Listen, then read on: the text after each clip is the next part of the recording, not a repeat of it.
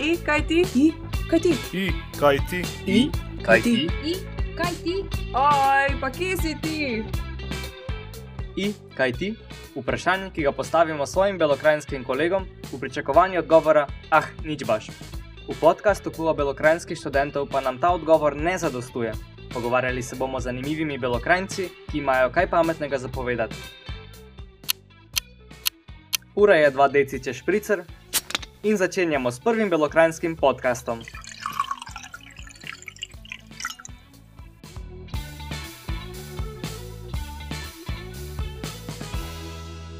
Evo nas snazi v Srednjo Ameriko, zdaj pa jaka prepuščam besedo kar tebi. No, pa je bila pa naslednja država, je pa Nikaragva. Uh, to je pa država, ki bi jo opisal država revolucije in država vulkanov. Uh, tu imamo še njihovo Kordobo. Uh, tu je bil v bistvu, kar ste prej spraševali za te meje, tukaj smo imeli mogoče prvič eno tako, pa ne vem rekel, frko, ki mene ni bilo strah, ker smo bili za šatlom in smo imeli unga šofera in sem znal, da le, pač pusto nas ne bo tu. Ne. Uh, Načeloma smo na začetku dost mej uh, prečkali s temi šatli. To je se pravi, bistvu ni avtobus, malo večji kombi, ki not nameče 12-13 backpackerjev in on te iz točke A do točke B pripele. Bom rekel tako, javni prevoz bi te prišel 5 evrov, šatlitev pa 15 ali pa 20 evrov prišel. Ne? Pa ne vstavlja, sem pelje od točke A do točke B in na mejah je to dosti pomembno, ker ti on ful pomaga. Mm. če bi šli iz Mehike v Guatemalo, jaz sem mislil, da je to urad pač za to, jaz sem znal, rabim štempel pa to, pa jaz sem mislil, da bo to bilo vse locirano kaprnas, ko na vinici, ena bajta tu, druga tu in obaviš vse. Ne? Uh, Tako da, da, tu smo prišli, ne vem, pol desetih na mejo, ker je bilo v Hondurasu, so bili protesti, ful imajo skozi neke proteste, protestirajo, niti sami ne znajo zakaj in pa so ceste zaprte. In smo prišli ob pol desetih na mejo, ob desetih se pa zapre. In že je bilo ful ljudi tam, so, so čakali in domačini in sem ena punca je delala na okencu. Mm. Uh, in pa smo uno bili, morda malo bomo ostali na nikogaršnji zemlji. Ne? Ampak se je išlo. Ne? Da, na koncu smo prišli čez, ampak se je že tu pokazala nekakšna ta moto Nikaragve. Zato, da smo prišli v državo, če moraš dati uradno 10 dolarjev, je vsak od nas dal 16 dolarjev. In to se je pa čez celo državo kazalo, da raz, radi malo več nara poberajo. Ona stavba, stavba za pregled, pa to je predlaga, pa to je bilo zaprta, tema, nikjer nobenega. Pridemo tam, ta naš majster, samo zavrti telefoni, čez 5 minut en se z motorjem pripelje. Prežgejo se luči, ajde, upa, da gremo. Kako ste imeli pa kaj opreme sabo tega um, prtljage? Malo, imeli smo vsakemu en 40 litrni ruzak. In to bo dost za To je manj, 5 ko mesecev. grejo ponovadi da ljudi na morje. Da. Pa le, jaz sem skozi rekel, načeloma ti za 5 mesecev rabiš isto kot za en teden. Mislim, se daš prat, ne? Pa, pa majice, pa to si Da. vzel bolj slave, pa si pa jih kupil, ne? Pa je to, ker ste se skozi premikali, ne, pa, pa tako dolgo pot naredili, definitivno lažje potovati z manj, kot pa Da. preveč. ne. Pa meni so te mali ruzaki zakon že, pa že tudi zaradi samih avionov, ker je lih taka mera, da ga ne rabiš dol dati, ne? Lahko si ga daš gor v kabino in skozi ga imaš pri sebi Mhm. in bilo kaj se zgodi, ti imaš ruzak, ti imaš vso prtlago pri sebi, ne? Imaš ti en let, pa ti prtlago zgubijo, kaj boš? Da, Mislim, to, si. jaz sem bil skozi bolj tak. Pa ste verjetno pomeli še kak manjši ruzak s sabo za te dnevne aktivnosti. Da, to pa smo. Prali smo pa tudi cunje tedensko v njihovih pralnicah. Da. Ni bil problem najti nikdar. Vsako mesto je imelo. Uh, to je naša pot, to pa se sigurno ne znajdete. Ne? Tu smo se pravi stopili v Leon, smo šli spet malo na Pacifik, do Managve, dol na Ometepe otok, nazaj na čist desno stran na Koruzne otoke in pa proti jugu dol. No, prvo, bilo, prvo mesto, ki smo ga obiskali, je bilo mesto Leon. Oni sami sebi pravijo, da so mesto revolucije, ker ima res tako turbulentno zgodovino. Oni so bili 40 let, eh, ne vem, od leta 30 do 70 so bili pod diktaturo skrajnega desničarja, Somose. Uh, potem je bila ta revolucija, kjer so sandinisti, to so pa skrajni levičari, prevzeli oblast, uh, Ortega. In ta Ortega je ponovno predsednik in on je sam spremenil ustavo, v bistvu si lahko samo enkrat mandat ponovil, on ga je spremenil ne, neomejeno in zdaj so načeloma oni sicer uradno ni diktatura, ni komunizem, ampak uh, neuradno pa pač je. Ne. praksi je. V praksi je. In si- Šli smo tudi na walking tour in mene je ful zanimalo in sem tega vodiča rečko spraševal. In mi je skozi rekel, bom ti povedal, bom ti povedal. Pa mi je pa na koncu rekel, kao, lej, tukaj imajo zidovi ušesa. Kao, ne morem ti pač Mm. povedati, tam vidiš pa sam, kaj je na stvari. Je pa zanimivo, mislim, tako je povsod je imela pa ZDA tudi uh, velik vpliv. Ne? Uh, ko je bil ta Ortega prvič, ko je prevzel oblast, uh, so se potem sama Nikaragva je uh, organizirala uh, skupino, se pravi Kontras, to so bili kao podporniki desničarov in so hteli prevzeti oblast nad levičari, uh, je pa, financirali so jih pa ZDA. Ne? Mm. tudi s tem, da so prodajali drogo in orožje čez Nikaragvo in vse to. tako da. Poleg tega je pa Nikaragva ima še to slabost, da je že politika, politična situacija dosti slaba, pa so imeli pa še naravne nesreče. Leta 72 so imeli tudi en hud potres, ki je zrušil uh, dost mest.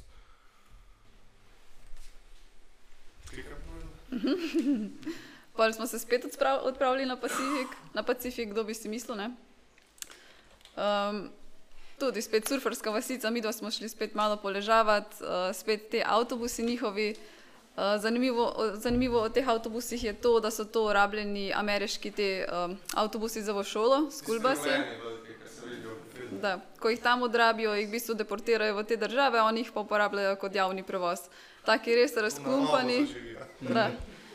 In isto, ko je prej Jaka omenil, tu tudi en vozi, drug pa pobira denar, pa se pa tudi se štarta, ko je avtobus poln, načeloma razen če res ni ljudi, pa, da, pa tudi se skozi manago, manago, a ne? Ja, nago, nago. Da. Ja, Tu smo še v Talas Penitas, ker Leon je drugače full vroče. Talas Penitas je tako urca pa pol z avtobusom stran iz Leona. Tam je bilo res full vroče in pa smo tudi videli res dosti domačinov, je šlo tudi tako na enodnevni izlet, naprimer v Las Penitas se malo ohladiti. Ali pa teh uh, trgovcev, ki prodajajo na teh razno raznih štantih. to. Da, to, kar nabutajo v avtobus, tiste panoje, očal sončnih, pa take stvari, pa balone, helijeve, vse. Smo pa vse tu prvič videli, pije Coca-Colo, ki spije Coca-Colo, hiti čez okno, ne, flaško. In pa smo to še večkrat videli. Da. Pa smo šli še na otoček Ometepe. Spet je zanimiv je ta otoček, ker je sredi, sredi jezera in na tem otočku so dva vulkani. Pač sami vulkani povsod po tej centralni Ameriki. Uh, kaj je bilo nam najbolj zanimivo, je bilo to, da smo šli tam med Santa Semana, to je ta sveti teden, uh, naši te velikonočni prazniki in to njim ful pomeni. Oni si vzamejo en teden fraj med božičnimi prazniki, pa en teden fraj med našimi velikino, velikonočnimi prazniki in to noben ne dela, vsi grejo na dopust, tako da to so sami domačini, turistov sploh ni bilo baš neki, torej če njih ne bi bilo, bi bili skoraj da sami na tem otoku. Um, da, bilo nam je zanimivo videti, kako oni praznujejo, ful so uh, igrali te uh, športne igre na plažah, družili so se v vodi. Zaradi tega, uh, ker je bilo njih toliko, je bilo tudi dosti teh štantov za to njihovo hrano, tako da smo lahko še v tem uživali, ker pa, ko je bilo konc tega vikenda, so popokali vse, ni bilo več nič tega. Mi smo bili, da, tu smo tudi skuter rentali za ena, dva dni, pa smo, se, pa smo cel krog naredili po tem uh, otoku. Lepo je fulka bilo, kje se peleš, bo na eni strani bil vulkan, ne, so dva Da. vulkana. In, Mm. Na drugi pa voda, obala. Ne. Je pa zanimivo še ta ometepe, mogoče to, da so v preteklosti tu prvo hteli Panamski kanal uh, delati. Ker je ena povezava, ena reka je, ker pele v Karibsko morje, uh, za, za Pacifik bi pa skopali, pa naredili. In je bilo že dosti pripravljenega, pol je pa en francoski arhitekt rekel američanom, to so američani gradili, je rekel pač, da je nekaj te tudi delati, ker je full potresno območje, pa to, da te rajš dol v Panami. Ne? In pa so šli dol. Ne, pa je bila drugačna scena, drugače je šlo. Malo politične igre so. Tako. A No, pa smo šli pa iz Ometepeja, smo šli pa na čisto vzhodni del države, se pravi na Karibsko morje, uh, proti malim koruznim otokom, oziroma prvo proti mestu Bluefields. Uh, to smo šli iz Managve, iz glavnega mesta. Uh, v Managvi smo bili v bistvu samo na tej avtobusni postaji in še to nam je bilo, to smo videli dost, ker je res ta tak š- shady plac, res moraš paziti na stvari. Uh, mislim, noben ti ne bo nič naredil fizično, ker je itak ful ljudi, ampak moraš ful paziti na te stvari. Uh, tu smo prišli dosti zgodaj, uh, ker nas je bilo strah, da slučajno ne bi karte za avtobus nočni dobili in pa moraš tu v Managvi prespati. To smo se pa probali uh, izogniti vsem tem mestom, ki znajo biti malo taka. Uh, tu lahko vidite te avtobuse, kako oni to natovorijo, oni na streho namečajo vse. Od kavčev, hladilnikov, škrin, ni da ni. To pa nekaj zgurtnajo, to ne znam, kako drži. To, če bi malo bolj zabrenzal, to gre vse. Uh, Precej nevarno, verjetno. Ne?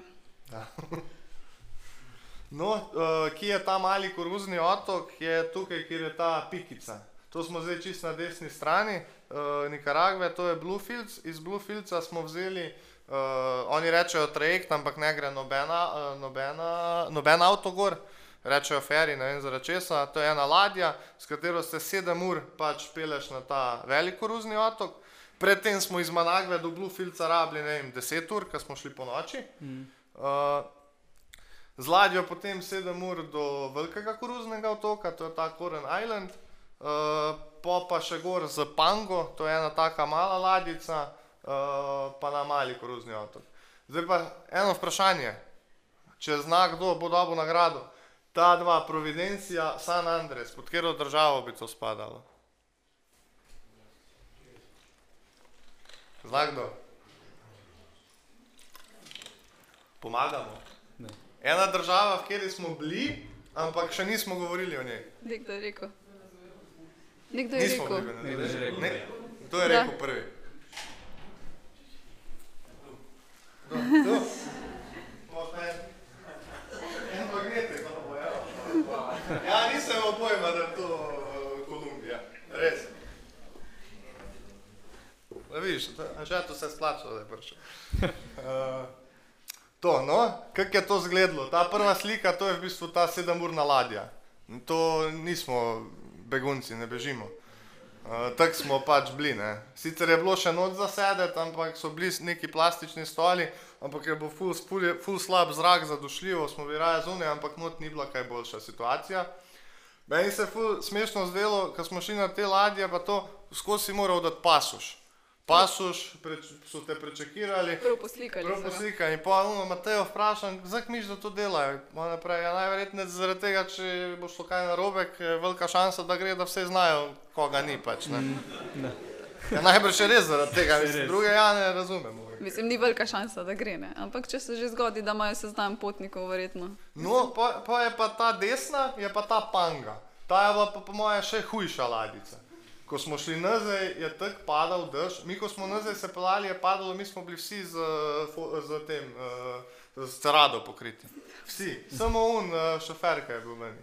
Kako ste se to vozili z ladico? Ena, tri, četrt ure. Sta prvo 7 ur, pa pa še ta manjša panga 45 Da, minut. 45 minut, ena ura, odvisno. Ta te pa na uh, ta velik koren pripelje. No, pa smo prišli, mi dva smo pričakovali tak karibski raj in pa smo prišli glih v tem obdobju, pa še zdaj zaradi tega onesnaževanja, pa to imajo marsikatere te države, probleme s travo. In pa smo prišli tam in bilo, nisem se mogel niti kopati koristno na dostih mestih, pa še smrdelo je. ne. Tako Da, zanimivo je pa še, da na tem otočku niti elektrike pol dana ni. Uh, tako da recimo tudi tunje smo si mogli tu na roke prati, ampak imajo vsaj vse pripravljeno za ribati. Šli smo pa v bistvu na te otočke z namenom, da, bi, da bi naredili padni tečaj za potapljanje, ker je tukaj dosti ceneje kot bilo kje drugje v Evropi. No, in šli smo na ta uvodni potop, pa na te uvodne vaje, videli morskega psa, to smo bili ful veseli. Pol se je izkazalo, da je meni slabo pod vodo, isto kot na ladji, to nisem znala, da je možno ali je. Uh, in pol je jaka sem nadaljeval, jaz sem pa pol sama raziskovala otoček, ko je on imel, v bistvu to so tečaji, jaz sem trajajo imel celo dan. tečaj ne. tri ali štiri dni po cel dan, malo je bila kombinacija, malo si bil v vodi, malo si imel teorije zunaj, uh, Mate je pa ta čas lutala okrog, meni je bilo pa super, meni ni niti malo žal, da sem šel to narediti. Prvo sem bil full skeptičen, sem ono, je Mateja rekla, bo šla, sem rekel, ok, hodi, ja bom še videl, najbrž ne šel. Pa sem polno pomislil, pa kaj bom ja 3-4 dane delal, ona bo bila cel dan tam, kaj bom ja, mislim, grem še ja delati. ajde. In pa sem ga v bistvu ja čakala, ki je on delal tečaj, pa še gležen sem si zvila. Um, tako da nisem mogla niti jako nikamor iti. Pa še da Wi-Fi-ja ni bilo v tem hostlu, pa še koristnega zdravnika na tem otoku. In pa sem šla k nekemu vraču tam, mislim, ne znam, kako bi se mu reklo sploh. Um, ko nek fizioterapeut, samo da nima nobene šole.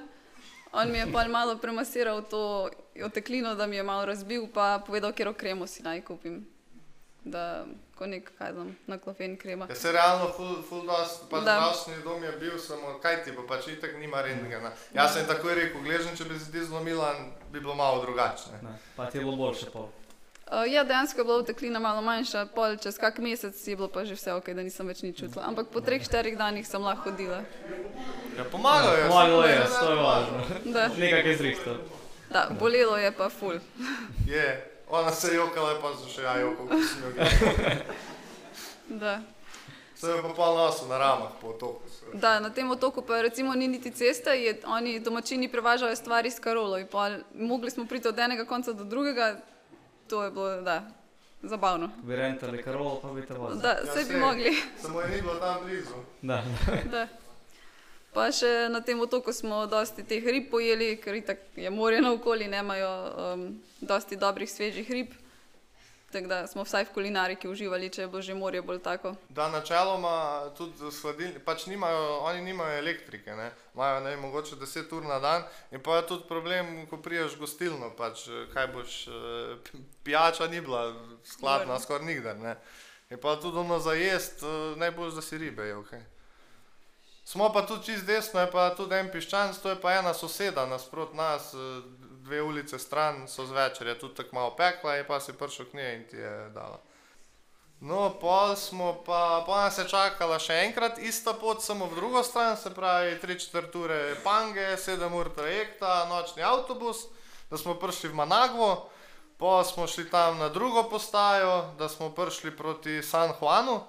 Uh, San Juan del Sur, to je tudi turistično tako dosti znano mesto, uh, tudi zaradi surferjev na Pacifiku, ampak mi dva nismo hteli med tega džumbusa, žurk, smo rekli, gremo malo više, pa smo na Airbnb-u, ena tri zalivčke gor, našli eno kul zadevo za spat, smo pri enih avstralcih odpičenih uh, spali, mislim odpičenih, oni Oni so kuke, na 20 let nazaj so iz Avstralije se preselili v Nikaragvo in so otroke vse so popokali in so jih tu pač uh, od doma izobraževali, homeschool. Uh, mama jih je pač izobraževala uh, in zdaj imajo to eno kot tree house uh, in pač to oddajajo. Kul nam je bilo, ker je bilo res mir, uh, do gostilne pa trgovine si moral hoditi, pa trgovinica je bila full mehna. Uh, oni so nam enkrat, ko so šli v mesto, rekli, če bi kaj takega, kaj se tu ne da dobiti, pa smo jim napisali, pa so nam prinesli. Smo si pa tu v glavnem sami kuhali.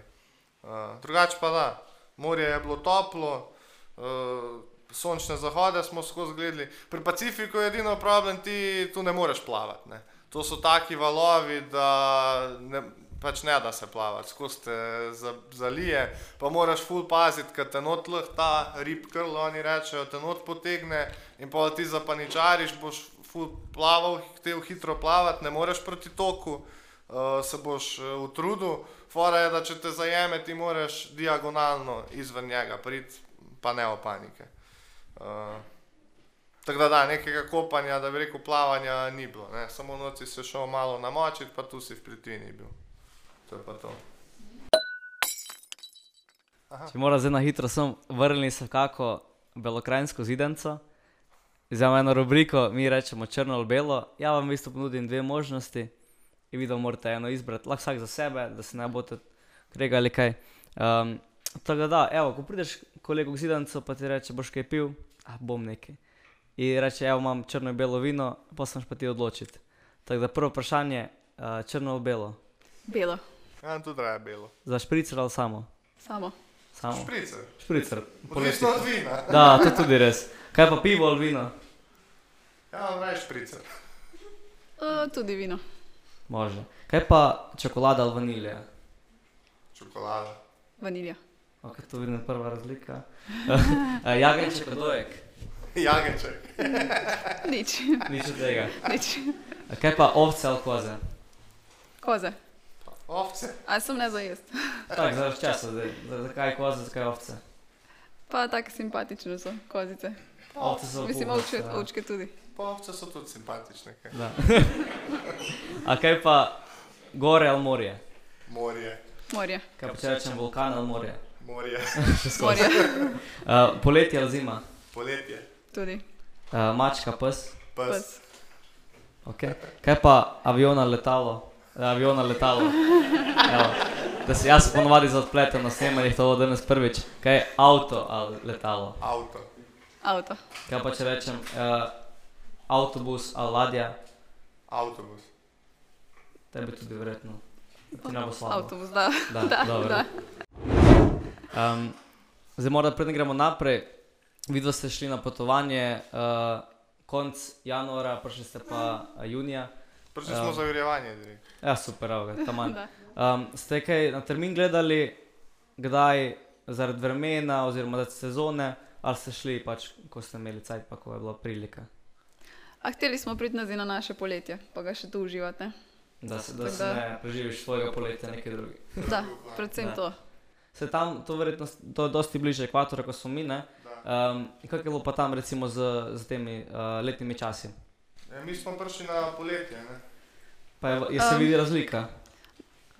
Odvisno je, prideš, joj, ko smo prišli v Kolumbijo, recimo Medellin je eh, mesto večnega, večne spomladi, ne? Da. tako da tam imajo skozi spomlad, ampak večinoma mislim, da imajo bolj zimo pa poletje, s tem, da je zima full mila. Mhm. Tako da mi dva smo prišli na fejn vroče. No. V Kolumbiji, ko smo bili na koncu, se je že videlo, da gremo proti njihovi zimi, oziroma deževnemu obdobju, ki je bilo popovdne res dosti drža.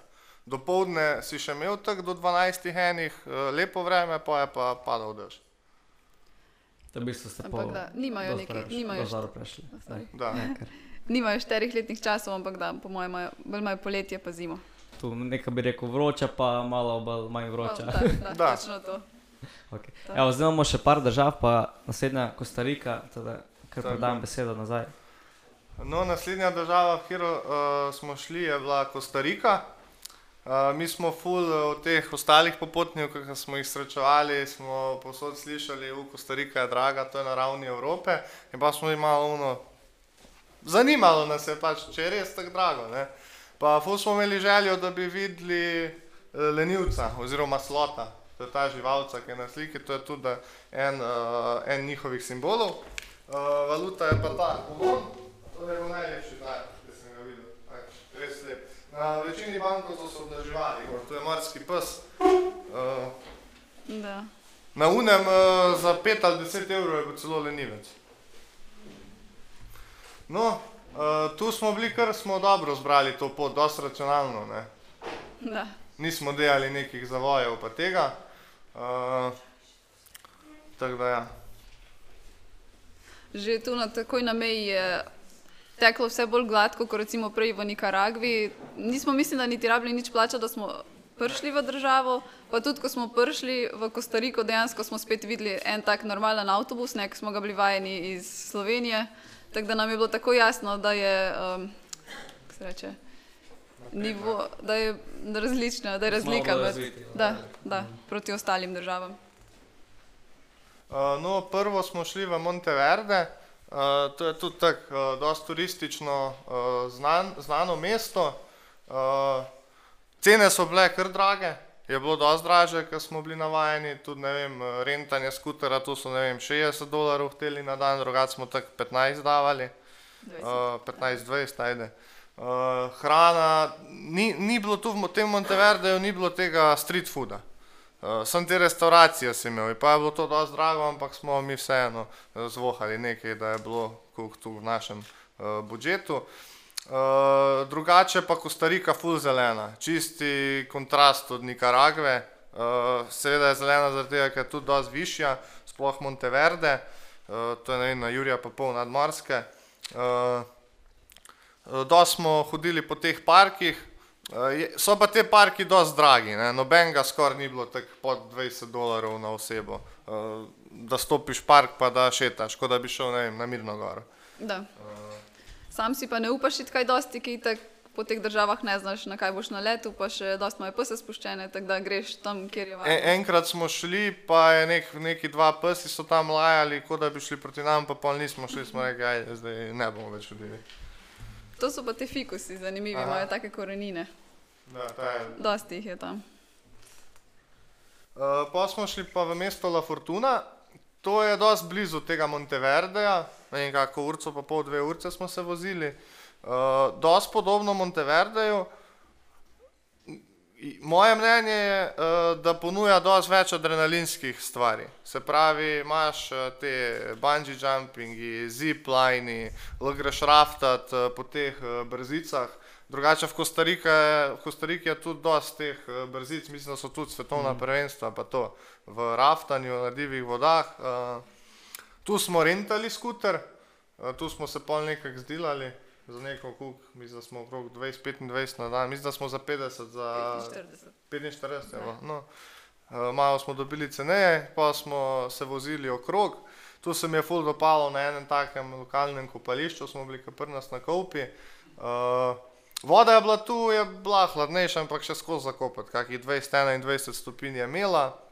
Uh, zanimivo je bilo, ker so eno ful tako visoko tarzanko imeli. Pa smo tam skakali, pa si te domačine gledal, svašta so delali gor. Uh, smo pa tu tudi, ker ste vprašali prej za tople vrelce, tu smo šli, je tudi, tudi en tak to, topel vrelec, ki bi rekel, kako leveš pri nas, v ki je v šmareških toplicah gor. Uh, na podoben način uh, smo, s- smo se tam šli, ne, ne morem reči to hladiti, uh, se gret. Uh, tam smo tudi, uh, zanimivo smo tam srečali, ene dve punce slovenke. Da, Mateja je zvoha, prej leti naše govorijo. Da, pa še enega fanta v Nikaragvi, s katerim smo se pa malo več podružili, pa smo se že tudi po potovanju z njim dobili. Da, to je bilo smešno, ko smo ga na malem koruznem otoku smo ga srečali. Ja, Mateja je bila boga, jaz sem kuhal, pridem ja v kuhno in tako hodim v hostlu in vidim, uh, model ima majico Ljubljanski maraton.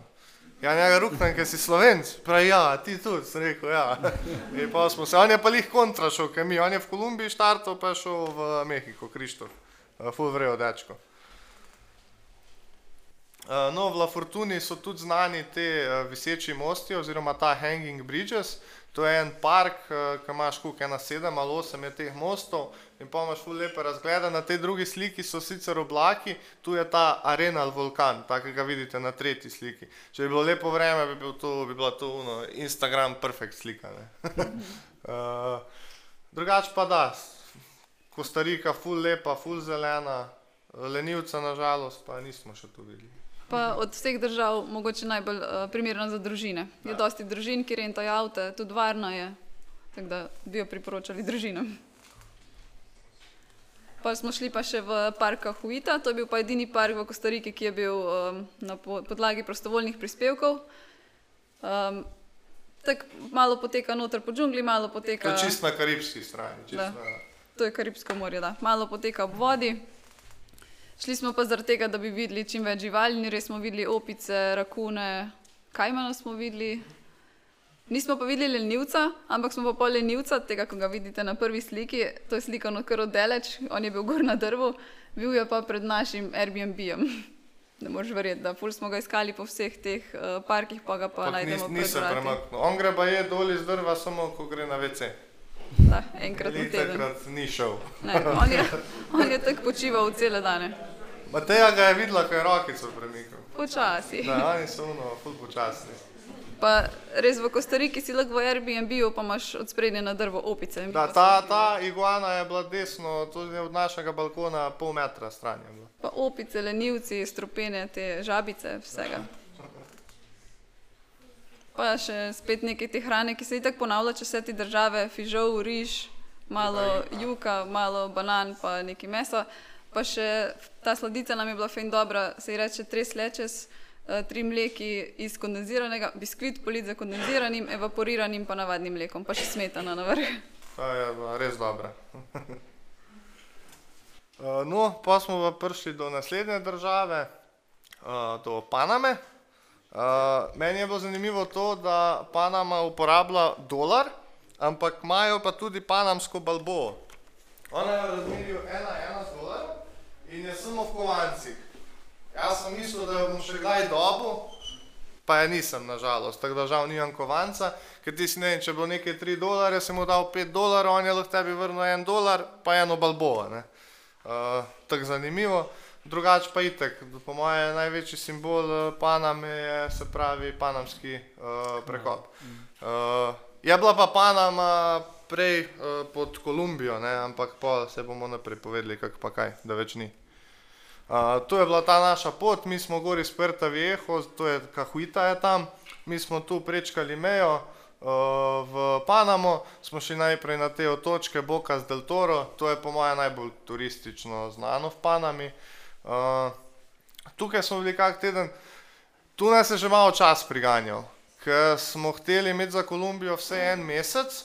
Uh, In pa smo rekli, zdaj kaj, pač Mateja že rekel, gremo kjer v državo preskočiti, sem rekel, ne, to ne bi preskakal, pač gremo, pa ne bomo tu videli.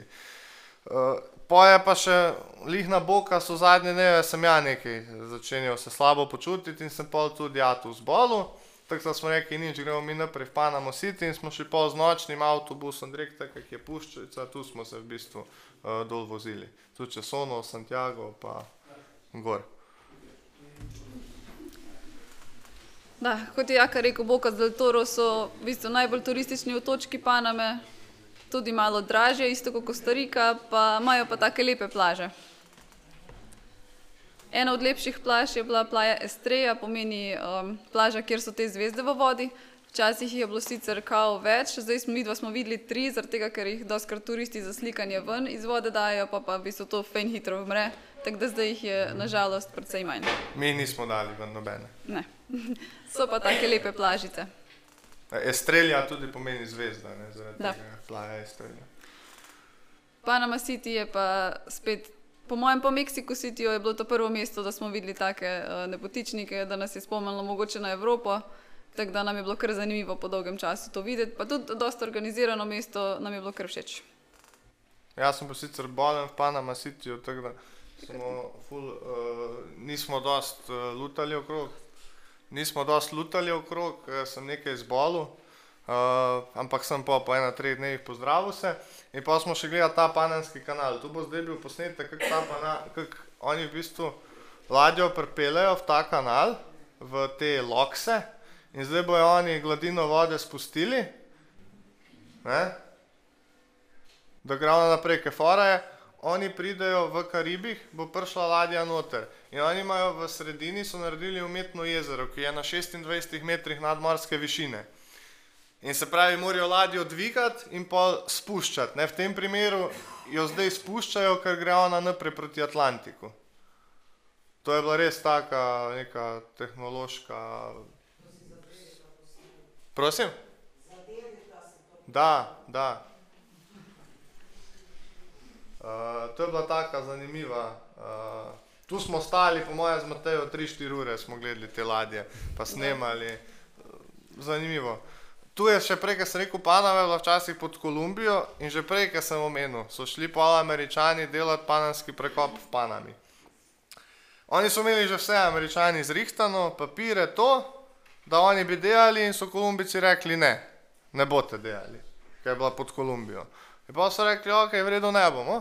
So pa začeli financirati v Panami te, rekel, te, ki so hteli revolucijo narediti, ki so hteli iti na svoje in so jih financirali, da so naredili državni udar in da se je Panama ločila od Kolumbije in pa so američani prišli uh, in so lahko to zgradili. Je bilo pa do leta 99, uh, oni so ga zgradili 1912, nekaj tam, 1914, ja.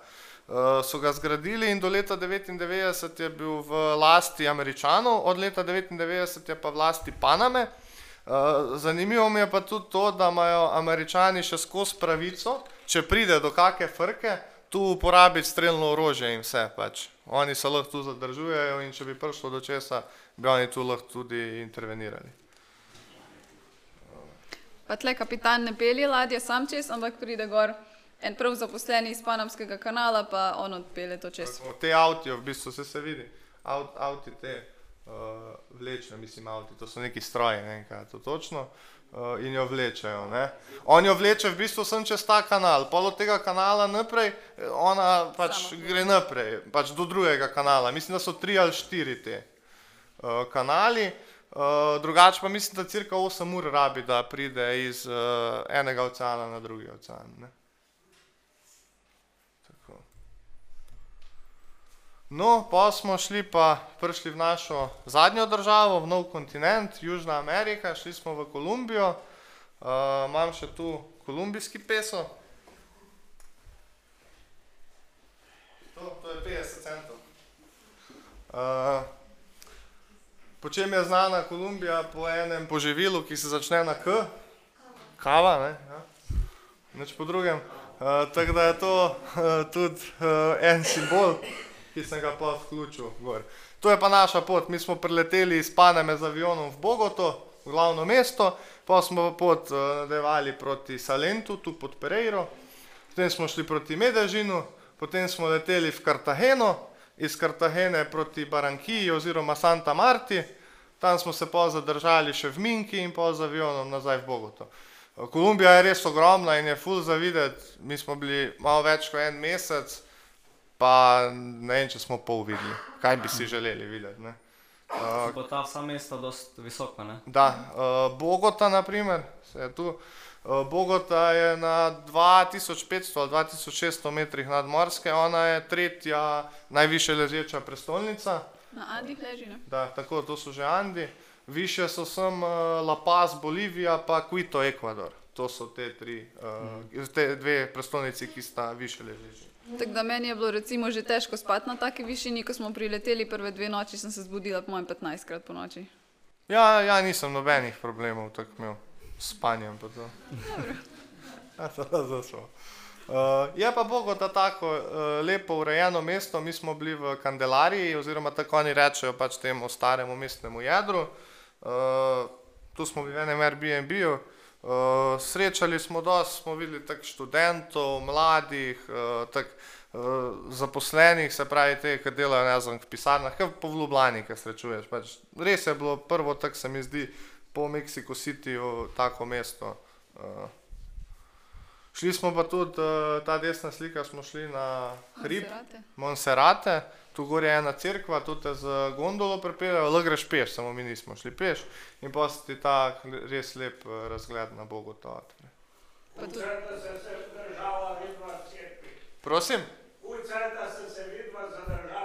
samo na hitro smo jo od zunaj pogledali in to je to. Eh, neč. Ne. Da. Drugače pa tako po Bogoti je dosti teh uh, uličnih prodajalcev, uh, ko povsod, tu je tek, sem pa slikal kot nek boljši sejem, tu res prodavajo vse. Ko da bi ti imel, ne vem, lo, pokrov od lonca, bi našel lonca, nimaš, pa boš rekel, ajde, grem ven postaviti, bo nekdo pokrov kupil. Uh, pa tudi jeli smo, to so ta njihova znana ta rebrca, uh, kostija deserdo, uh, zraven s tem nekim sirom pa pomfrijem. Uh, smo pa tu prvič tako videli, da so, ko smo jeli, pa so prišli te berači prositi. ne. Uh, dejansko so prosili za jesti, ne za denar. ne. Da, v Kolumbiji je bilo tega več, prej nismo imeli tega sploh. Pol smo prišli pa v Salento, to je menda najbolj varno mestece v Kolumbiji in me, nam se je tudi tako zdelo. Tako simpatično mesto z dosti trgovinicami in restauracijami. Šli smo pa tam bolj zaradi narave, tam je recimo ta fen znana dolina uh, Kokora Valley, kjer so te voskaste palme. No, eni smo, da palme rastejo ob morju, pa na toplem, tle pa rastejo od 1500 metrov gor pa do 3000, visoke so 60 metrov, tako da smo se šli tle sprehajati, pa so res lepi razgledi. Do doline so nas pa pripeljali s temi džipi, to je glavno prevozno sredstvo tle. Um, tu je pa tudi dobra hrana, ta postrv, recimo, je tle dosti popularna, pa ta, ta velika palačinka, to je ta patakon tudi iz uh, banane, samo da speštajo pa odsvrejo, pa pa dobiš lahko gor kaj sladkega ali pa slanega, kaj ti paše. Mi smo tudi, ko smo v tem Salentu, ne imamo, oni vsak vikend, prav kot neka mala veselica je bila. Te štanti so bili, pa so to lokalno hrano pa to prodajali. Pa nasploh v vseh teh državah, isto ko gremo mi na kakšne enodnevne izlete, ful hodijo družinsko. Bilo kje smo bili, um, so bile tudi uh, družine domačinov. Nismo samo turisti šli obiskovati take stvari, ampak Tu smo videli full tabelci iz Pereire, ne? Pereira je blizu, ne vem, kakšne dve ure stran, pa je večje mesto, ne. Smo dosti tabelc videli, so sem hodili. Pa full imajo juh v Kolumbiji, ne. Tako dosti na žlico. Šli smo še v eno kmetijo, kjer delajo kavo, so nam cel postopek pokazali, smo tudi nabirali zrna, pa v bistvu cel postopek. Tudi je bilo na taki idilični lokaciji, so bili povsod lepi razgledi, pa še testirali smo pol različne kave. No, pol iz uh, Salenta smo se pa odpravili v Medežin. Tu smo se tudi srečali z mojo kolegico Kelly, ki sem jo spoznal uh, leta 2016 na izmenjavi v Belgiji, v Bruslju. Uh, Medežin je pač uh, na slabem glasu zaradi teh narkokartelov in vse te turbulentne zgodovine, ki jo je imel. Uh, mi pa pač tega nismo občutili, ker se je res dosti spremenilo. Uh, tako urejeno mesto, tudi organizirano, dober potniški promet. Oni imajo ta njihov metro, uh, ki povezuje pač celo mesto. Uh, res si full hitro, vem, z avtom boš rabo eno uro, s tem boš prišel v 3-4 minutah. Uh, drugače pa tako je že Mateja prej rekla, to je mesto večne spomladi in je skozi tam 22-23 stopinj. Res je tako lepo, prijetno. Mislim, da je v 90-ih letih veljalo za, uh, kaj, za najbolj nevarno mesto na svetu, zdaj je pač čist drugače. Uh, mi smo v. Zanimivo je, da je ta. To je bilo prvič, da smo bili v tako velikem mestu, pa je bil res ta center. Center je bil dosti tako neurejen. V centru si se res malo počutil, niti bilo vseeno, lik si moral. Ni bil nevaren, sem ful je bilo teh uh, vsiljivih prodajalcev, pa vsak bi ti nekaj prodal, vsak bi rad, da greš k njemu. Tak. Dosti tudi te prostitucije smo videli, tak, mislim. Malo je bilo tako skeči mesto. Šli smo pa tudi v. Pro, to pa ne. Bom pa povedal. Da. Uh, šli smo tudi uh, pogledat muzej uh, Boterota. Botero je uh, značilen po tem, da je on ful rad slikal pa ustvarjal kipe v neproporcionalnih oblikah. Tako vidimo na levi strani tega strička močnega uh, na konju, ki ima ful mehno glavo. Ne. Glava od konja je čist nepo, neproporcionalna z njegovo glavo. Naprimer, ne. Pa čist na desni strani je narisal, ga vsi najbrž poznate, Pavla Escobarja. To je kao ta njegova smrt, da se je malo iz tega norčeval. Uh, Pol na sredini je pa še ta razbita ptička, je pa tudi en simbol preporoda Medejina, ker v 90-ih letih so imeli en koncert na tem trgu in je nekdo podstavil bombo pod to ptico, ki je vbila tak 30 ljudi. Uh, in pol, so, pol je ta isti umetnik naredil še identično ptico, da so postavili eno zraven druge, pa da simbolizira ta prerod. Ker se je Medejin res potrudil, da je šel iz najbolj nevarnega mesta na svetu v to, da so dosti vložili v kulturo, v izobraževanje, v to, da so najbolj nevarne kraje, da so tam dali največ razsvetljave, da niso bili več tako nevarni, da so povezali mesto z javnim prometom, tako da je res zdaj čist drugače. Je pa se situacija po koroni spet malo poslabšala, tako da je treba spet malo bolj paziti. Pa še pri tem kipu je to, da je v bistvu župan Medežina je hotel ta kip odstraniti. Pa ga je sam Botero klical in rekel, ni šans. Prej ja bom še en kip naredil in ga bomo zraven postavili. Tu zdaj ni na sliki, ampak zraven je pač nov, nov cel kip, uh, tu je pa ta. Da, to pa za to ptico, za to bombardiranje so pa odgovornost prevzeli skrajno levi, skrajno desni in tolpe. Tako da, kot da je to nekaj, kar vsi čejo, da se njim pripiše, da žalostno. Da, vsi bi bili radi krivi. Uh, no, pa smo šli pa tudi uh, na eno walking turo po tej kao komuna Trese oziroma komuna 13. To je bila pa takrat, ko je Mateja rekla, od leta vem, 80 do 2000 je bil kao najbolj nevaren uh, del na svetu, ravno zaradi teh uh, narkokartelov, ki je dosti strateško pomembna pozicija, dosti uh, blizu teh mestnih vpadnic, uh, pa obvoznic je bila, tako da je v bistvu droga sem noter prihajala ali pa šla ven. Uh, pa so pa naredili, uh, v bistvu oni so kdaj, leta 2000, nekaj tajega, so polnicu in tudi američani pomagali, so res naredili čistko, ne. Uh, da so mesto kao, so par dni je bilo trajalo obstreljevanje, američani so jim tudi helikopter dali, uh, tako da so res zdaj naredili res en velik uh, preporod. Uh, Je, mislim, da je tudi par let nazaj Medežin do, dobil nagrado za najbolj inovativno mesto. Oni imajo, naprimer, to, to, je, to so full hribi, full visoko je v teh favelah in je full težko hoditi in imajo kar nekaj tekočih stopnic so naredili. Tako da grejo lahko, pač eh, ljudje hodijo uh, gor dol. Da, pa glede tega še naprimer, tisti, ki ste gledali Netflix pa Narkose, tam se Escobar ful povečuje, kao da je on bil kralj, da on je pomagal revnim, ne znam kaj. Ni tako, ne verjamete temu, nimajo ga radi, uh, marsikdo sploh njegovega imena neče reči. Ne. Nam je rekla ta, ko smo bili tudi na walking turi, kao je rekla, se jaz zgradu hiše, ne. Sem, koliko ti moraš hiš zgraditi za eno življenje, ne. Samo pač ima ceno, ne. Uh, tako da, ful ne podpirajo tega narkoturizma, ne. ker ti greš lahko tudi, ne vem, od Escobara un zapor gledati, ki si ga sam postavil, pa lahko tam paintball strelaš, pa ne vem kaj. Tako da tega nima najbolj radi. Ta Jakotova sošolka iz Erasmusa nas je pelala še na enodnevni izlet v Guatape, se posmeš na to spetino, da pa gledaš to umetno jezero. Zanimivo je bilo tudi, da je ful teh um, dosti lepih vil, ki jih imajo te malo bolj bogati uh, ljudje, ljudje iz Medeina. Tako da lep enodneven izlet. Da je pa to umetno jezero, to so naredili z namenom, eh, da imajo za elektriko, za elektrarne. Jaz prvo mislil, da je to naravno, pa spereki ne, ne, artificial. Je pa po teh štengicah greš gor, eh, ni kar tako enostavno. Kar malo zašvicaš. Gor smo šli v dolgih rokavih, na vrh smo prišli v kratkih. Šli smo si pogledati še Kartageno, to je mislim, da drugo najstarejše mesto v Kolumbiji, tudi tako eno, po mojem, najlepših mestec, ga imajo tudi sami Kolumbijci fejn radi. Zanimivo je, da je en stari del, ki je kot recimo Korčula obdan z obzidjem, pa imaš pa ta novi del, pa se vidi same nebotičnike.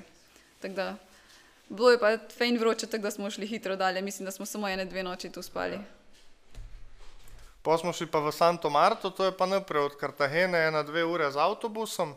Uh, tudi tako morsko mestece, to je najstarejše mesto v Kolumbiji. Sem smo prišli z namenom, da bi se šel ja še potapljati uh, zadnjič, ker je bilo dosti ceneje tu. Uh, sem se šel, ampak ni, nisem mogel primerjati z Nikaragvo. Uh, pa tudi samo mesto je po noči zna biti malo tako nevarno. Da, tu smo dosti domačinov srečali, ko, nam, ko nam je vsak povedal, da so ga že uropali kdaj v življenju. Je pa drugače Santa Marta, rojstno mesto Carlosa Valderame, ne? to je pa ta desni, ta oseb, nogometaš na tej desni sliki, imajo kip njegov. Uh, najbrž tisti, ki spremljate futbol, se ga spomnite. Uh, je bil znan po tej svoji pričeski. In ful sem bil pa razočaran, ker nikjer nisem nobene majice ali pa kaj od njega mogel dobiti. To mi je bilo malo tako. To je pa še zadnje mesto, oziroma vasica, ki smo jo obiskali. Um, Pač, lepo malo mestece, dosti smo hodili hajkat, pa slape gledati, ker drugega tle itak ni za delati. Živeli smo pa v enem Kolumbicu, tako da je bil tako odštekan model, je bil zanimiv, poln zgodb. To je drugače Santa Marte, tri četrt ure z avtobusom, ampak samo v hrib. Do Santa Marti se ni dalo zaživeti, res je bilo tako vroče, da tu je, tu je bilo pa vem, kul. 700 metrov višinskih, tako da smo se imeli lepo, zadnji teden. Da, pa smo tu. Tu smo v bistvu, smo, menili, se bi šli še kam ali ne bi, uh, ker smo imeli tega, smo že znali, kdaj imamo leti z Bogota nazaj in pa nas je bilo strah. Mi smo bili v času volitev kolumbijskih in to so bile načeloma, kao naj bi bile najbolj turbulentne, ker oni so zdaj prvič v zgodovini dobili levičara na oblast. Oni so bili skozi desničari, zdaj pa prvič, prvič levičar zmagal in ko so volitve, zna kje na kaki poti kaj pokniti. Načeloma z javnimi prevozi se ni dobro voziti in pa smo še te domačine tu vprašali, so rekli, le. Ja, na vašem mestu ne bi, ja bi ostal tu, Santa Marti, greš na avion, v Bogu to pristaneš in miren si. Mm. In tako smo pa tudi naredili. Smo pa ful, tudi ful dobro jeli. Ne? Da, sej se vidi. Nekaj juhic pa spet isto, podobno. Pa Ta še- juha njihova je ful znana. Ne? Da, kaj dobro. Ah, jako. Ah, jako. To so tudi, prosim? Uh, sadje je bilo pa odlično. Smo ga pa vsak dan jeli, pa isto, ko dobiš sokce na ulici, povsod imaš le narezano, dajo ti v lončku, imaš narezan mango, lubenica, melona in ne znam, stane 50 centov, pa cela, uh, cel uno, lonček tega. Tako da smo to skoraj vsak dan poljeli. Je, to pogrešamo zdaj malo. Uh, no, pa še zaključek. Uh, vse skupaj smo 147 dni potovali, zamenjali smo 38 avtobusov, 8 avionov, 13 ladic oziroma trajektov, kaj bi oni rekli, dva vlaka, to je bil Črnomelj, Ljubljana, Ljubljana, Črnomelj. Uh, zdaj pa to, kar najbrž vse tudi zanima, koliko to stane, videla sva skupaj, uh, cirka 12 tisoč evrov plus letalska karta pa zavarovanje porabi. To je bilo skupaj. S tem, da smo se šli potapljati, pa v špansko šolo, tako da dalo bi se še ceneje. Ampak da, smo šli pa dosti na poceni variante. Evo, hvala za vašo Da. pozornost. Zdaj, če mogoče še kakšno vprašanje iz publike, je zdaj pravi čas, da še to rešimo. Uh, meni v Gvatemali. Ker, mogoče zaradi tega, ker je dosti podobno naši, radi imajo riž, pa solato, pa piščanca. Tako da to mi je bilo fino. Po meni je bilo Pa povsod. sem- Kolumbija. Morda tudi Gvatemala. Ampak posod je v meni dobro, nisem neki zbirčen glede hrane. Pijača? Kje je bila najboljša piva? Meni je bila v, Nik meni je bila v Nikaragvi. Tonja.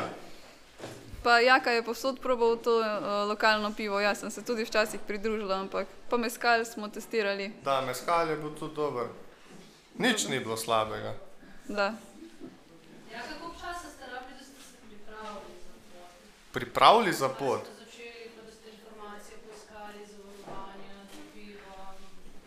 Cepljenje ni bilo samo korona, drugače načeloma ni nič. Uh, ne, za Kolumbijo priporočajo rumeno mrzlico, ampak to, če bi šel v Amazonijo, pa undel. Uh, tako da to ne. Pa zavarovanje, to smo dosti hitro, to si sem pogledal, itek te, kdo ti največ ima, kaj ti nudi. Uh, Jaka ima tako veselje do tega, da verjetno pol niti ne šteje časa, ki praktično vse je on zorganiziral. Pa da dejansko sem v full manj dela, kot da bi rekel, zdaj grem za pet dni v London. Zato, ker tu sem znal, v Cancunu bomo pristali, to je to, drugega nimamo. Imeli smo holboš, tri dni blokirani, to je to, pa pa Da. naprej. Tako da, mislim, si si načeloma pogledal, ki je kaj za videti. Uh, pa spraše, spraševali smo, pa so pol dali na kakšne nasvete v to. Drugače, ja, prvoten plan je bil v bistvu, da bi šli iz Jukatana v Belize. Ampak uh, so pol oni glede te korone imeli neke probleme, mislim probleme, ful so hteli denara. Po mojem bi vsakega 200 dolarjev prišlo, da bi prišli noter. Ker imajo foro, kao, ti prideš na mejo, ne moreš iti z avtobusom čez, moraš kao njihove, njihov taksi vzeti, ki je kao korona free, a v bistvu je običen taksi, samo zato, ker je korona je 200 dolarjev, če ne bi bila korona, bi bil 20. Čist isti šofer je in avto in vse. Ne? Uh, Po mi je pa še preden smo šli, sem se s Perotom Črničem dol, pa mi je on rekel, pravi, če si v Mehiki, pa dej hodi še noter tam pogledat, pač ta Jukatan, to ti, pač to ti ni Mehika, ne, se, in pa smo zaradi tega morda še tudi šli v Mexico City, pa pol po uni strani dol. Je to šlo za agencijo? Ne, ne, lastna režija. Vse smo sami imeli. Nimamo radi agencij, mi. oni samo denar jemljejo. Ja, plan, eh, če greš, eh, moraš imeti plan eh, gibanja, trošenja denarja. in- To smo imeli, glede financ smo si dali, smo si dali okrog 80 evrov, da bi imeli skupen fond, malo smo Na šli dan. čez, ne, da, na dan. To smo imeli, ta uh, fond. Ma, imel sem eno aplikacijo dobro in sem skozi vnašal noter vse, kaj si porabil. Ne. In pol ti je on prav računal, koliko na dan porabiš, koliko si za to, koliko si za uno. Uh, drugač plan poti pa Spro, sproti. znali smo iz Mehike v Kolumbijo, zdaj pa kot. To pa nismo imeli nekega, to smo sproti. Nismo rezervirali isti dan ali pa en dan prej, kje smo spali. Ne? In na koncu imam še eno vprašanje. Kar vprašajte. Na vse to, kar ste videli, Da. je kaj takega, da bi bilo prenašeno sem v Belo krajino Slovenijo in pomembno za nas vse. Prenešeno, Ideja. ideja. Meni je bilo recimo fajn všeč, kako oni še skozi, ko imajo te parke na sredini mesta, oni grejo popoldan vsi tam, pa posedajo, pa se pogovarjajo. Na gričku pri nas ni nobenega razen unega, ki bo pa sašetal recimo. tam se pa dost še družijo, pa, tak, pa pridejo, pa pele popoldan. Nasplošno se mi zdi, da smo v Evropi, da smo dosti zaprt narod. Mi bomo imeli primer, boš šel ven v Napoleona Piccolo, kamorkoli, dobra muzika bo, ti boš sedel za mizo ali pa za šankom stal. Tam bojo vsi plesali. Da, Ne? to bi. Pa Da. mobi da roki. Ne. Mogoče imajo več časa še, ne znam, delajo. Ne znam. Pa ne, tako se mi je. Vi mi niste odgovorili, kaj prinesti nam. Ideje. Druženje. Druženje, Ker tako. ena stvar je, poslušajte, od sedenja pa od pitja družba nima nič. Mi smo sem sedeli pa pili. Če ste to potegnili iz tega potovanja, pa ne vem. Ne razumem, kaj vprašanja, idejo. Ideje, tam ste videli, kaj delajo. Da. Ja bi naredil moja ideja, mogoče tako, kot sem rekel, ker so prej te šatli v Sloveniji, ne vem, če obstaja ali ne, da bi imel ti kombi, se pravi šatel, ki bi tebe za neko normalno ceno, da te pripelje v Slovenijo in ti reče, zdaj boš bil ti tri dni v Sloveniji, te bom ja pelal en dan na Bled, drug dan te bom pelal v Belo krajino, tretji dan te bom pelal v Maribor. To govorimo za normalno ceno, za 20 evrov po glavi, naprimer. Tega ja ne vem, če je v Sloveniji. No, dosti drago. To primer. Pol, ne vem, tu te povezave, uh, kukrat na dan gre iz Vinice avtobus v Ljubljano. Pri nas. Takrat gre.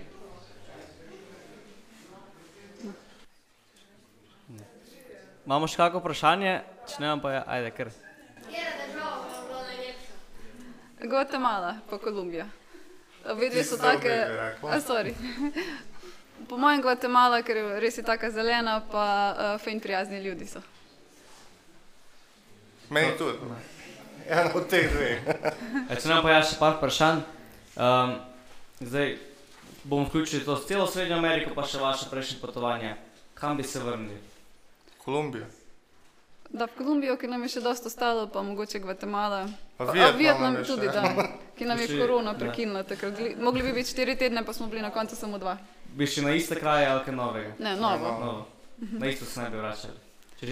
Medežin bi se vrnil, da Ja. bi šli keli za dve noči spat, pa pa ne. To pa dalje, da, da. Um, ki je kakšna destinacija, kam se pa ne bi odpravil? Ali nima želje, ali te ne vleče kakorkoli? Za me bi bila mogoče Afrika, kak del Se nisi težka. še bila, ne moreš se Da, nisem bila. A ja, za te, ta, smo da, bili. da, da, ne, od, kam te ne vleče, pa kam ne bi šla? Kje smo že bili v teh državah? A ne vse. Ja. Pa mogoče, ko gledam, ja, dosti spremljam na YouTubu, pa gledam posnetke teh, ko potujejo, pa mogoče mi je Afrika določeni deli težka, ki je dosti korupcije, pa mm. mene moti, če, jo na meji, da jim dam 100 evrov, sem zaradi tega, da pridem not. Da. Take stvari. Ja bi šel povsod. Zver. Pa tudi, če sem bil nekje, pa mi ni bilo v redu. Nekaj je že bilo vredno. Izkušnja je, ne? Da, pač mogoče bo samo slučajno takrat, un moment pač pa, da ni bilo v redu. Ne, saj- ne more zdaj gledati, da ne. Težko bi rekel, da je da je cela izkušnja slava. Ne? Tako. Um, še zadnje vprašanje. Kaj pa največja želja ali pa sansko potovanje, da nimaš omejitev časovnih, finančnih, logističnih? Okol sveta. Vse države. zdrav eno destinacijo Eno stran. ali pa tak državo recimo. Regijo. Um, Ja bi šel se potapljati na Galapagos. To so bili za blizu. Še malo bomo bili. da, Antarktika. Antarktika. da, to so pa te um, cruise ship variante, ko greš za temi Da. križarkami, je pa fejn, fejn drago. Da, da, da. Da, Se izplačaš. Da. da. Um, ok, mislim, da smo prišli počasi do konca in vsebinsko in časovno. Tako da, Jaka, Mateja, uh, še enkrat najlepša hvala, da ste prišli, delili z nami teh pet mesecev svojega življenja. Hvala vam, da ste prišli pa poslušali. Hvala, da si poslušal naš podcast, pa se čujemo še kaj naslednji mesec. Ajde, bog.